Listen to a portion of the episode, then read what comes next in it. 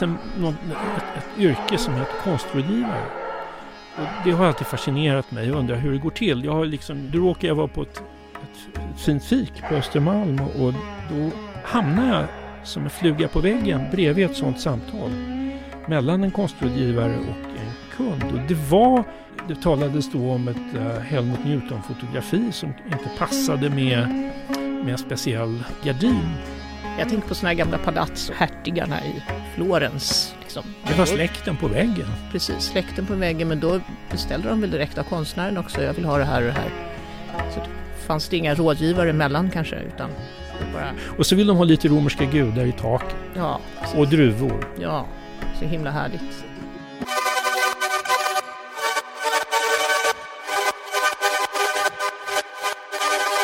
Hallå Ulrika! Hej Clemens! Fint att vara tillbaks ja. på Konstpodden. Ja, faktiskt. Efter hundra förkylningar. Ja, men så är det. Det är den tiden på året. Ja, men nu är vi här. Um, och det lackar mot jul ju. Ja, och jag tänkte börja med att fråga dig en fråga som har lite med jul att göra eftersom det handlar om konsumtion. Köper du konst, Clemens? Alltså, jag brukar säga att jag inte gör det. Jag samlar inte på konst. Men faktiskt så har jag köpt en och annan teckning. Och teckningar är bra, alltså små format, vi talar små format. Och det, teckningar är bra för de är, jag tycker de är lite undervärderade. Det är väldigt mycket jobb bakom ofta och uh, är väldigt, uh, men det är verk på papper och det är penna och då är det inte så dyrt. Mm. Och det passar mig. Det jag, jag, har ingen, ingen, jag kan inte köpa en stor oljeblaffa. Nej, men du har en samling? Nej, jag har egentligen ingen samling, men jag har lite bilder om vi säger så. Okej, okay. som du har uppe på väggarna eller som du har i bankvalv? Nej, den nivån är jag inte på, utan jag, jag har dem på väggarna i lite uh, salig blandning kan mm. man säga. Uh, men det är inga, inga, det är inga rökare så. Alltså, de, jag tycker om dem, men de är inte, alltså, det är inga pengar. Nej, jag fattar. Mm. Det är lågbudget. Men då köper du sånt som du verkligen vill se ja. hela dagarna, inte, inte ja. att det bara är alltså, bra konst. Ja, fast de här teckningarna då, de är rätt små. Så att jag ser dem ju bara om jag går nära. Ja, mm. okej. Okay. Och du då Ulrika, tänk så här, jag är tomten. Mm. Jag, jag, är liksom, uh, kan ge dig precis vilket konstverk som helst. Exakt vilket, till ditt hem. Vilket skulle du vilja ha? Och då måste jag, okej okay, om jag ska vara lite orealistisk så ja, men, kan jag tänka något som jag verkligen sådär... Jag är tomten, du kan få vill, precis ja, vad som helst. Då behöver jag en större lägenhet först, men det kanske tomten också kan bistå med. Men för att då härbärgera denna enorma Mark Rothko-målning som jag vill ha i ett eget rum, vill jag ha den. Blir det meditationsrummet då? Ja, jag tror det faktiskt. Att, Blir det liksom en, någonting mörkrött? Mm, mm, jag ja. tänker mörkrött. Jag tänker ändå att det skulle bli en sån upplevelse som när man ser Rothko på något museum. Till exempel Tate Modern eller... Ja, men du tar den i år så får du en ny mm. lägenhet nästa ja, år. Ja, men det blir bra. Mm. Ska vi säga så? Ja, ja, ja. tack så mycket ändå.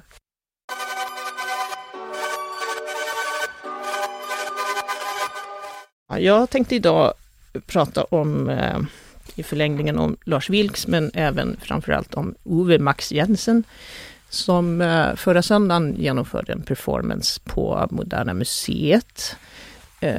12 eh, december var det Han, eh, I protest mot att Moderna Museet inte tar emot Lars Vilks rondellhundsteckning så näckade han helt enkelt och spelade hund. Här kan han vara. Med en rondellhund liksom, som mask framför ansiktet kan ju inte ha varit sådär jättesnyggt. Men eh, framförallt nakenheten är lite Ove Max Jensens signum. För det är inte första gången han gör sådana här nakenprotester. För det är lite, ja, det är det han gillar att göra. Eh, då tänkte jag lite sådär presentera vem han är. Eh, han är då dansk, född 72. Han eh, fick sitt konstnärliga genombrott när han kissade på ett verk av Olafur Eliasson eh, 2005 på Århus museum och då blev han också portad därifrån eh, ett par år, tror jag till och med. Han deltog i höstas tillsammans med Lars Vilks och Dan Parks på eh, den här Political Art i Warszawa som fick en del uppmärksamhet också. Jag får återkomma till just den. Han eh, dömdes 2017 till 30 dagars fängelse för våld mot en anställd som har försökt stoppa en happening som han ville genomföra på Kunsten i Ålborg. Och den gången var hans försvarare den här Rasmus Paludan som eh, är ganska bekant i Sverige också. För att han är både aktivist och politiker. Han har kommit till Sverige med jämna mellanrum för att bränna koraner.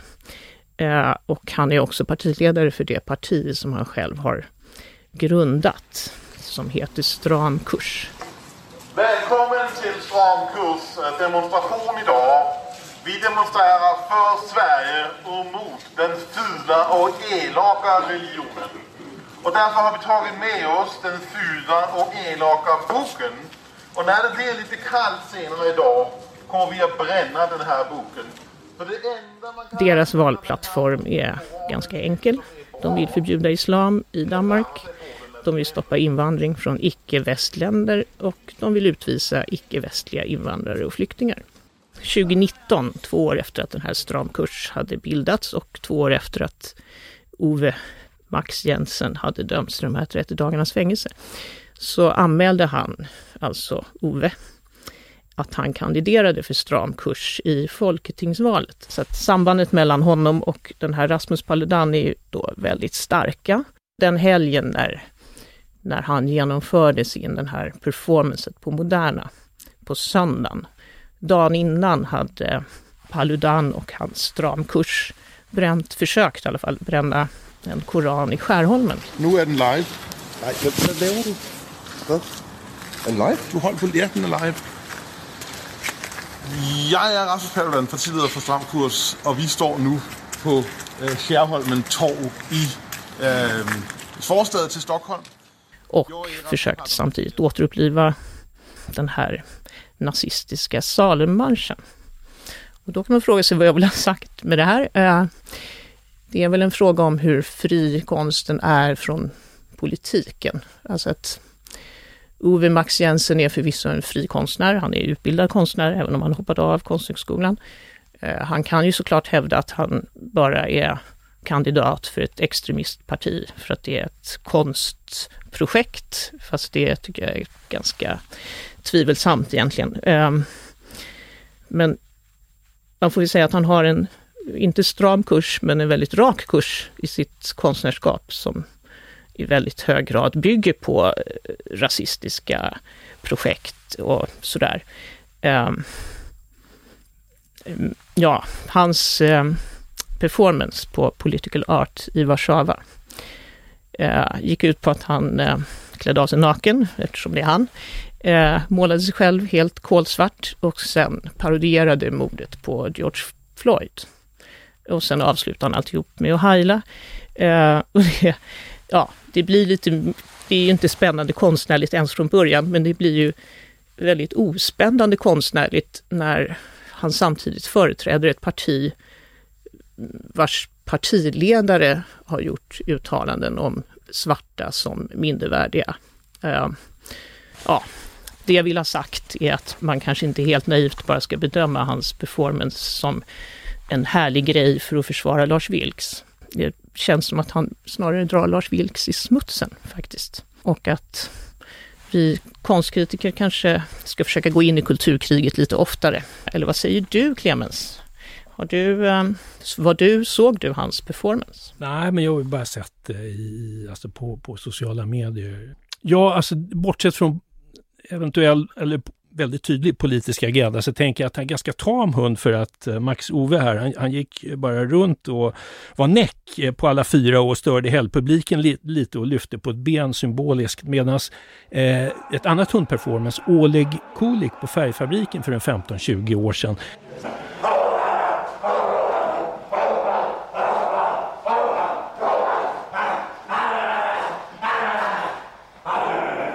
det, var en helt annan, annat tryck i det. Jag var där och, och den här, det var, det blev ju polisutryckning och Oleg han, han gick in i rollen med eh, enorm närvaro och inkarnerade hunden och bet då helt enkelt eh, riktigt hårt eh, dåvarande ordförande för Svensk Form, Lin, Lennart Lindqvist, i benet så att, att uh, han, han blev alltså misshandlad kan man säga. Och uh, alltså han var skrämmande. Det, det var ju inte uh, Max Ove Jensens hund vad jag har förstått. Jag har ju bara sett det på sociala mm. medier. Ja, jag har också bara sett filmat. Um var för mycket virus i omlopp förra helgen så att jag kom inte dit. Nej. Men nej, det verkar ju ha varit ganska oskyldigt. Själva poängen var väl bara att vara där. Sådär. Jag minns inte riktigt vad han, vad, cool, alltså vad han ville egentligen på färgfabriken, förutom bita folk i benet. Alltså, jag tänker att eh, chockera, tänker ja. jag. Alltså, alltså, en sån här, eh, alltså riktigt rysk vildsint eh, grej, ja. liksom totalkonst. Så. Ja, jag ja. tänker också på den här Guds teater som fanns i Finland förut, alltså sån här kroppsteater, den, mer den skolan. Herman ja, Nietzsche, sådana ja. grejer, precis. Jag tänker också lite på Nietzsche och då tänker jag att Max Ove kanske är lite svagare version av, och även feministiska performancekonstnärer. 70-talet som, som gärna just undersökte kroppen och nakenheten och liksom sådär. Och, och Caroline Schneemann och sådana. Ja, ja precis. precis. Men, och det är väl något sånt han håller på med ändå. Men jag vet inte. Jag har sett lite filmade naken-performances av Max Ove. Han, ja, han verkar hålla på mycket med det. Uh, och det, det, det, är ju inte så nyskapande som, som konst betraktat. Absolut inte. Uh, var väl uh, till och med poliserna som var på Moderna var lite så här, jaha ja, ja det här verkar vara ett konstprojekt, det är ingenting vi kan göra åt. Det är så, ja, det det är så etablerat så att det liksom inte, det blir ingen som man blir liksom inte ens provocerad. Jag blir ju väldigt provocerad av det här han gjorde i Warszawa såklart, men det var ju en annan, en annan grej. Men jag har svårt att bli provocerad av, av eh, den nakna hunden. Eh, och jag vet inte, Dan Jönsson skrev en krönika i DN där han gav lite bakgrund till Max Ove Jensens konstnärskap. Men där han också tyckte att det var bra med en performance som liksom skakar om konstvärldens hyckleri jag vet inte om den gjorde det. Och hyckleriet då i, i Dan Jönssons mening, det är ju att Moderna Museet inte tar emot eh, teckningen och att ja, eh, vissa av oss kritiker tycker att de gör rätt. Eh, ja, vad tycker du? Jag tycker att Moderna gör rätt, men jag är kanske inte helt säker på att de motiverar det på ett bra sätt. Kvalitetsargumentet är ju lite för enkelt ibland sådär, eller? Ja, det, det är knepigt. Jag tänker att, att Wilks, eh, Lars Vilks själv sa ju att allting är, hänger ihop. Allting är ett verk, processen är ett verk. Och då går det ju inte i så fall eh, logiskt att rycka ut teckningen utan då måste man ju ha med alla, vad vet jag, eh, he, hela hans övre så att säga. Och eh, kanske om allting mm. är, är, ett verk, även eh, polisprotokoll, eh, lönelistor, kanske till och med bilen. Ja, tyvärr alltså. Ja. ja, mycket som har hänt politiskt sedan 2007 också skulle också vara med i verket. Så att, ja, ja, det är... Det är svårt det att ringa in hur som ja, helst. Ja, det är det ju. Och sen... Det, det är väl någonting med att det här utmanandet av konstvärlden, om det också ska få fortsätta leva så kan det ju inte heller inkorporeras i konstvärlden. Att det ska fortsätta att utmana konstvärlden i all evighet på något sätt, eftersom det ändå var det som var syftet.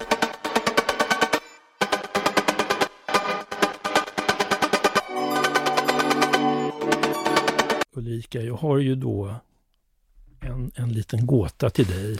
Ja, nu gick det fort. Ja, jag vet. Vi kör ju små gåtor. Ja, ja, ja. Jag har en till dig här och det mm. tänker jag, den börjar så här. Det, det, är inte ofta en utställning handlar om mammor. Det är så att säga den första ledtråden. Okej. Okay. Ringer Jaha. en klocka någonstans? Uh, ja, det var någon mammautställning på Louisiana och en i Botkyrka. Mm. Men det var inte någon av dem? inte de... Som, ah. det, kanske, det kanske var en för vid ledtråd. Ah. Det, det kanske snarare är en utställning en utställning eller en del av en utställning som, som handlar om mammor. Okej, fortsätt. Ja, eh, det här är ledtråd tre. det, det, är inte snälla mammor precis. Mhm, åh gud, åh nej, jag känner mig jättetrög. Okej, onda mammor. Det är inte någon Lena Kronqvist? Nej, Nej, det, är inte Lena ja. Kronqvist. Det är en svensk kvinnlig konstnär. Mm. Mm. De här mammorna leds iväg i handfängsel. Ja, det är Annika Elisabeth von Hauswolf. Det är Annika Elisabeth von Hauswolf.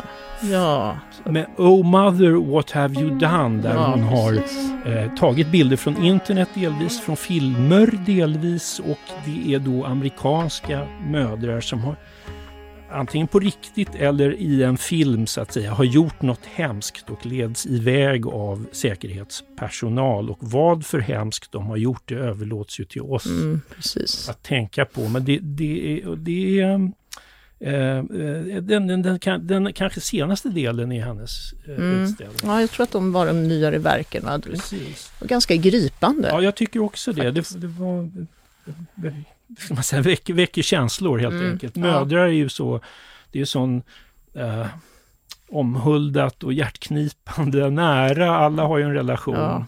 Precis, alltid att, goda, alltid onda. Ja, lite så, precis. Att, mm. det, var, det var gåtan helt enkelt. Ja, men eh, vilken snäll gåta du hade. Ja, får, den förra med, med, med Josef Beuys, den var ju väldigt svår för mig. Jag, jag kom ju inte på den förrän typ ledtråd 28. Men så, så tänkte jag att jag ger inte igen utan Ja, nej, det var jag väldigt så gentlemannamässigt faktiskt.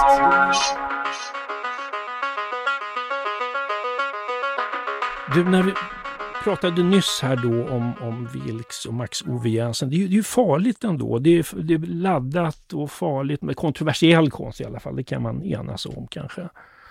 Men, men ja. jag tänkte prata då, eh, gå över till någonting helt ofarligt, ofarlig konst.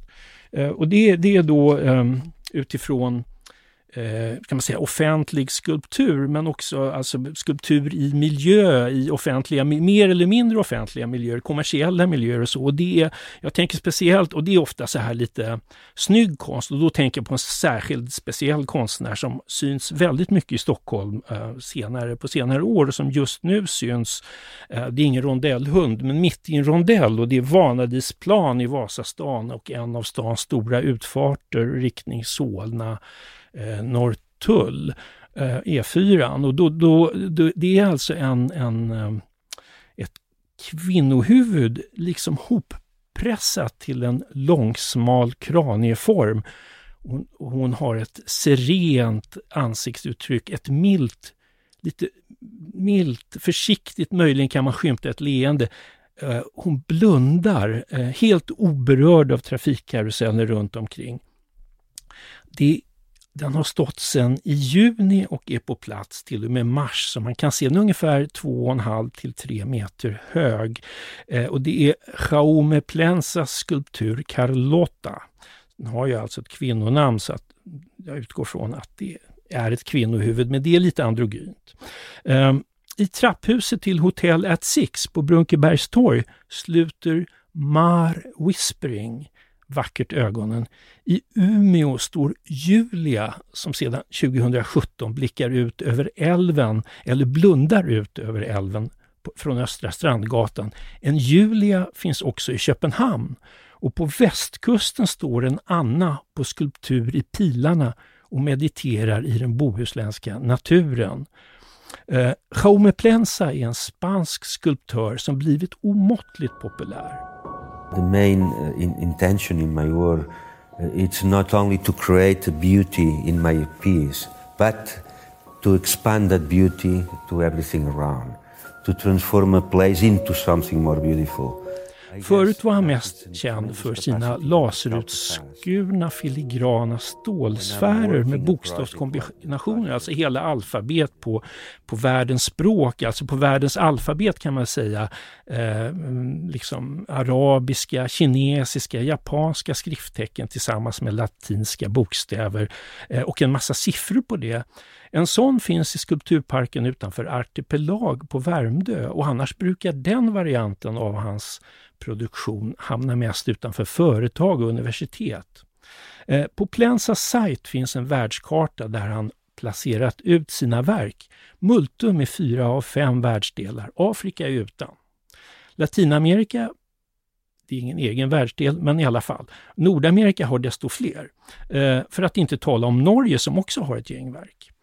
Eh, och det är då eh, Ehm, kan man tänka att, att det är, det, det, för mig så associerar jag till en latinamerikansk konstnär som gjorde precis tvärtom, inte de här slanka serena huvudena utan små fetknoppar. Eh, och då, då, tänker jag på den colombianske eh, skulptören Fernando Botero som gjorde omåttligt trinda människor som hade en plensaliknande våg av framgång på 80 och 90-talen. Det står några i mitten av Park Avenue på Manhattan till exempel med offentliga skulpturer då och eh, finns i Västeuropa. Och då tänker jag på den här eh, repliken från Shakespeares Julius Caesar. Jag vill se feta människor omkring mig, lät han kejsaren säga.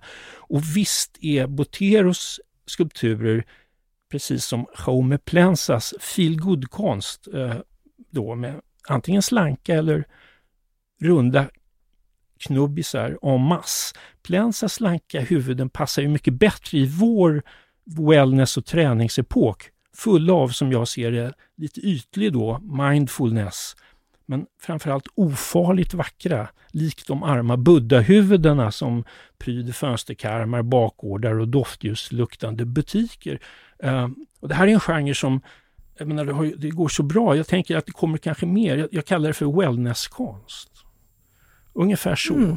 Okay. är min lilla fundering. Men, men hur kommer det sig att han har kunnat lägga ut det här smatterbandet av skulpturer? Ja, det handlar ju om att, att äh, ha bra lokala äh, agenter så att säga och här i, i Sverige har ju äh, galleri, galleriet Andersson Sandström legat bakom en, mm, en rad av... Liksom. Ja, precis, lanseringen och, och det, det är motsvarande i, i andra andra länder. Och det här, det här är, det är ju vackert, det går inte att säga något annat. Det, det, och då tänker jag att det är raka motsatsen till um, den här uh, konstchocken som är en genre i sig. Då är det här liksom mer en konstsmekning.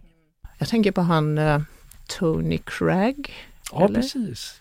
Han Tony har väl också lagt ganska fin matta av skulpturer lite överallt i världen, eller? Det får man säga, verkligen. Och, och finns väl representerad här i Sverige, i Malmö, med ja, en stor rackare framför väldigt nära konsthallen och teatern. Mm. Eh, jo, jag har sett den. Vedervärdig tycker jag, men ja, det vänner så... till mig tycker att den är helt underbar. Ja, det, och, och det är samma med, jag har lite svårt att förplänsa också, men, men jag ser ju i sociala medier att de här läggs ut eh, fortlöpande och, och folk, eh, det uppskattas verkligen. Mm. Ja, konst som... Och, och, och men smaken, den är ju superindividuell. Eh, Absolut. Och ändå modebetonad.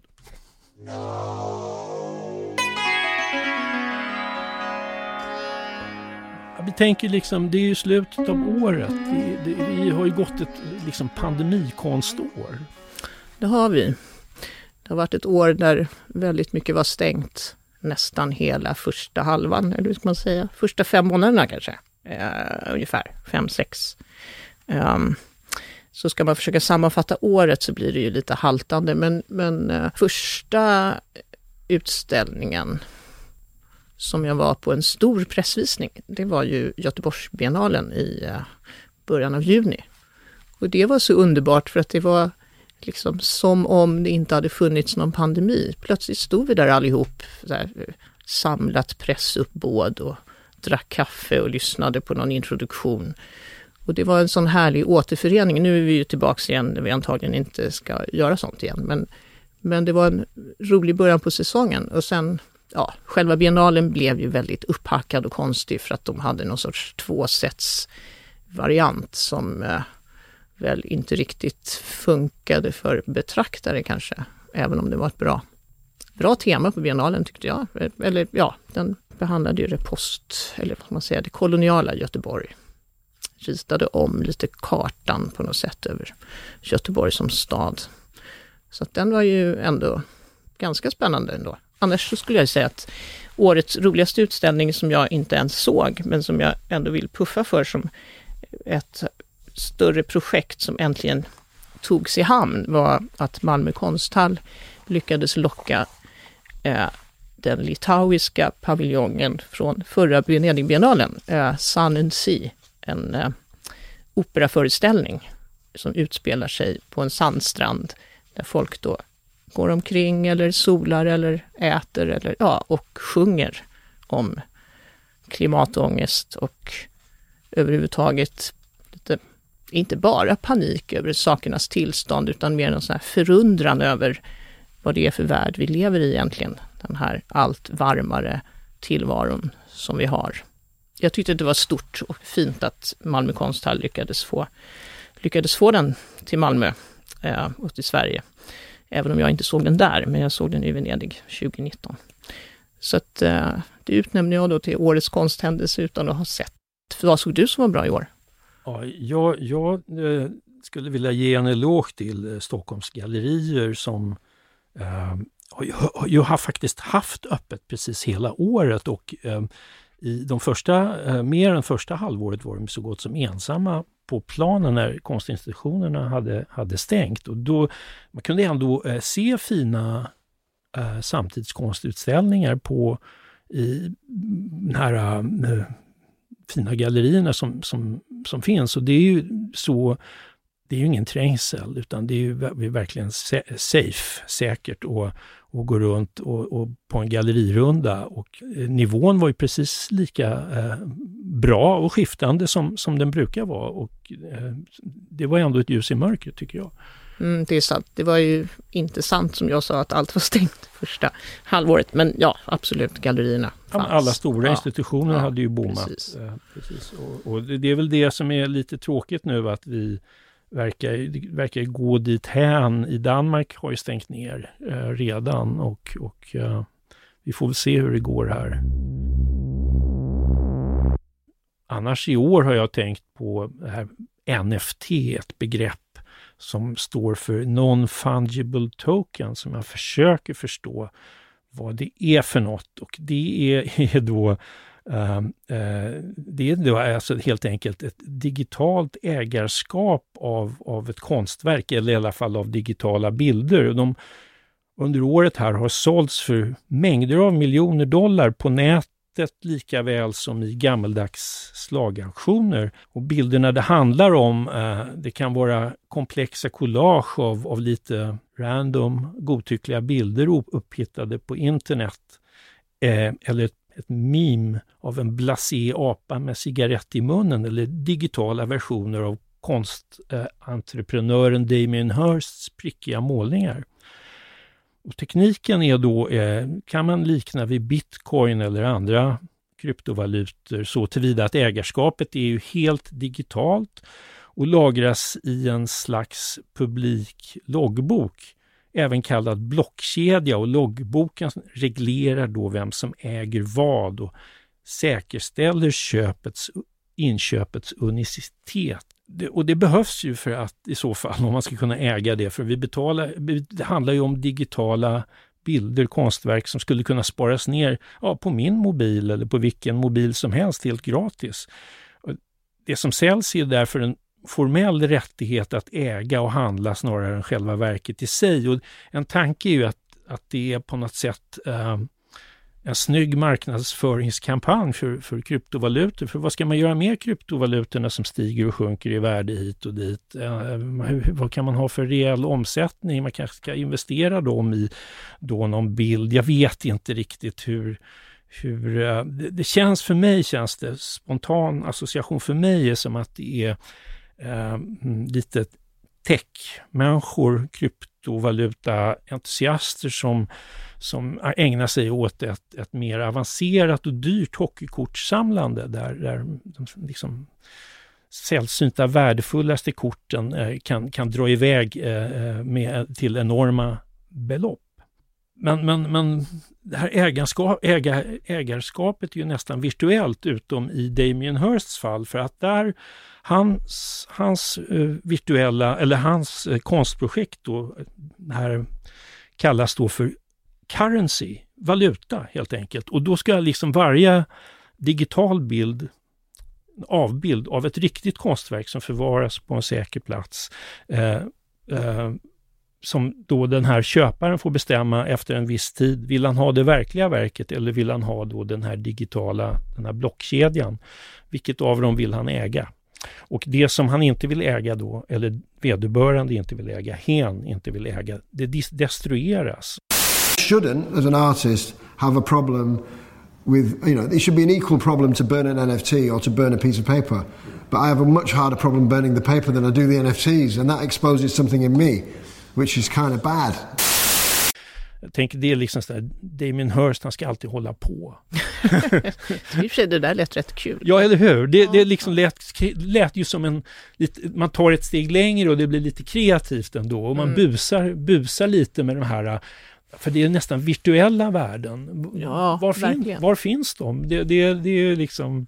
Ja, oh, gud, nu känner jag sådär att om tio år så kommer vi skratta åt hur vi inte kunde förstå det här. Ja, jag tänker att kanske hela Venedigbiennalen är full av, uh, om, säg om 20 år, av, av, av uh, eh, NFT ja, grejer. Och, och, och, och, precis, och man, man själv går för att skämmas för att man inte insåg hur fantastiskt det var från Nej. början. Eller precis tvärtom, att det är som den här tulipa, tulpanhysterin i Holland på 1600-talet när de investerade i lökar mm, som to torkade in och, och då... Ja. ja. som kunde kosta hur mycket som helst. Ja, destruerades ja. helt enkelt. Just det. Så ja. det kan gå åt alla håll. Eh. Ja, men det är ganska, ja, jag vet inte, jag har lite svårt att, men jag förstår inte poängen med finansmarknaden heller. Alltså jag förstår liksom inte nej, hur nej, värde precis. skapas nej, på det här exakt. konstiga tänker sättet. Tänker man vidare så är det ju någon form av psykologisk mycket psykologi i detta och någon ja. sorts, också tänker jag pyramidspel, pyramidspel ja. någonting mm. sånt.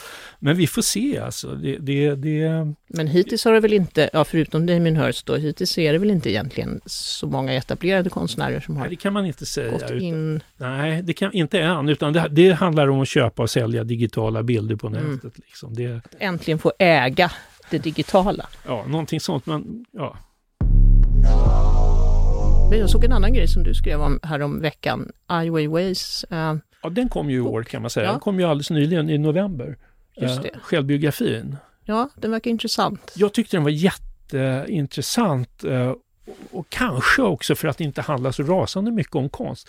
Uh, och sen så förvånade han genom att i sin familjehistoria, det handlar väldigt mycket om familjehistorien, det handlar om, om hans far, en riktig pappabok. Hans far råkade ju väldigt illa ut och han också kan man säga, Ai Weiwei själv som pojke i, under kulturrevolution.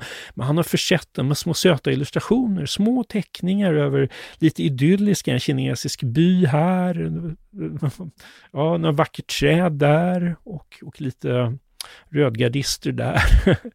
så, så att, att, ja, men den, den är, för mig var den som en röst inifrån Kina som, som, som man ju inte får höra egentligen så mycket. Mm, vad spännande. Driven då av hans vrede och mm. energi. Han har ju en, en, verkar ha en enorm energi. Ja, en enorm arbetskapacitet. Ja, faktiskt. precis. Verkligen, han är spännande. Tycker jag. Men... Eh... Det var nog, alltså, om man ska säga, årets konstbok för mig faktiskt. Ja. Mm. Kul. Mm. Men eh, nästa år, vad ser vi fram emot? Ja, det är ju det om, om omikron, pandemi, pest. Eh, om, det inte, om det inte slår ut allting så är det ju de här stora, stora konstevenemangen som europeiska konstevenemangen, de här fantastiska jätteutställningarna. Vi ska resa så mycket. Ja, och det låter ju inte riktigt klokt om man Nej. säger det nu i december. Nej. Men i så fall är det ju Venedigbiennalen till exempel i, i april. Ja. Just det, efter påsk. Uh, som ju, alltså, ibland, man säger att den har dåliga år och bra år, men jag tycker alltid att den är fantastisk. Det finns så mycket att se, det tar inte det är slut. Tillräckligt stor för att det ska finnas tillräckligt mycket fantastiskt. Eller, eller ser det bara att vi blir bedövade av själva stan ja, på något det, sätt. Ja, ja precis. För mig, 1600-talet vinner alltid, eller 1500-talet. Ja. Men, men, men, nej, men Venedigbiennalen det är en fest ändå eh, för ögat. Alltså, det är, man blir alldeles snurrig av, av all, all konst. Mm. Ja, det blir man faktiskt. Man får sån här Stendhal-syndrom till slut. Ja. men ja, sen är det ju, ja, sommaren kommer ju förhoppningsvis också bjuda Biennale i Berlin, Documenta i Kassel och möjligen Manifesta i Kosovo. får se om det blir... Och Om- Manifesta är ju en sån här eh, europeisk grej som vandrar runt. Ja. Till skillnad från de andra som ju är, är bundna vid platsen. Precis. Så Eh, manifesta... Och är- Kosovo kan ju bli lite knepigt kanske. Ja, jag tror att det tyvärr kan bli det. Vi, jag vet inte. Jag har inte hängt med helt, men det verkar inte så väldigt lugnt där nu för tillfället. Det verkar bli lite, ja, lite motsättningar igen. Eller det har det väl varit hela tiden, men det har börjat blossa upp lite. Men Manifesta flyttar runt och det var, förra gången var det äh, Marseille. Såg du gången det? innan Palermo. Sen, har jag, sen suddade det nog ihop sig Zürich kanske innan dess. Ja, den har väl funnits lite drygt 20 år sedan mitten på 90-talet. Såg du Marseille? Nej, Nej, inte jag. nej. Ja, vi får se. Det, det är ju en fråga om uh, pandemin. Är det något mer vi har att prata om? Nej, för nu måste vi sluta. Ja, vi slutar väl här. Vi vi får se vad Martin säger. Du har lyssnat på en podcast från Aftonbladet och Svenska Dagbladet. Ansvarig utgivare är Lena K Samuelsson.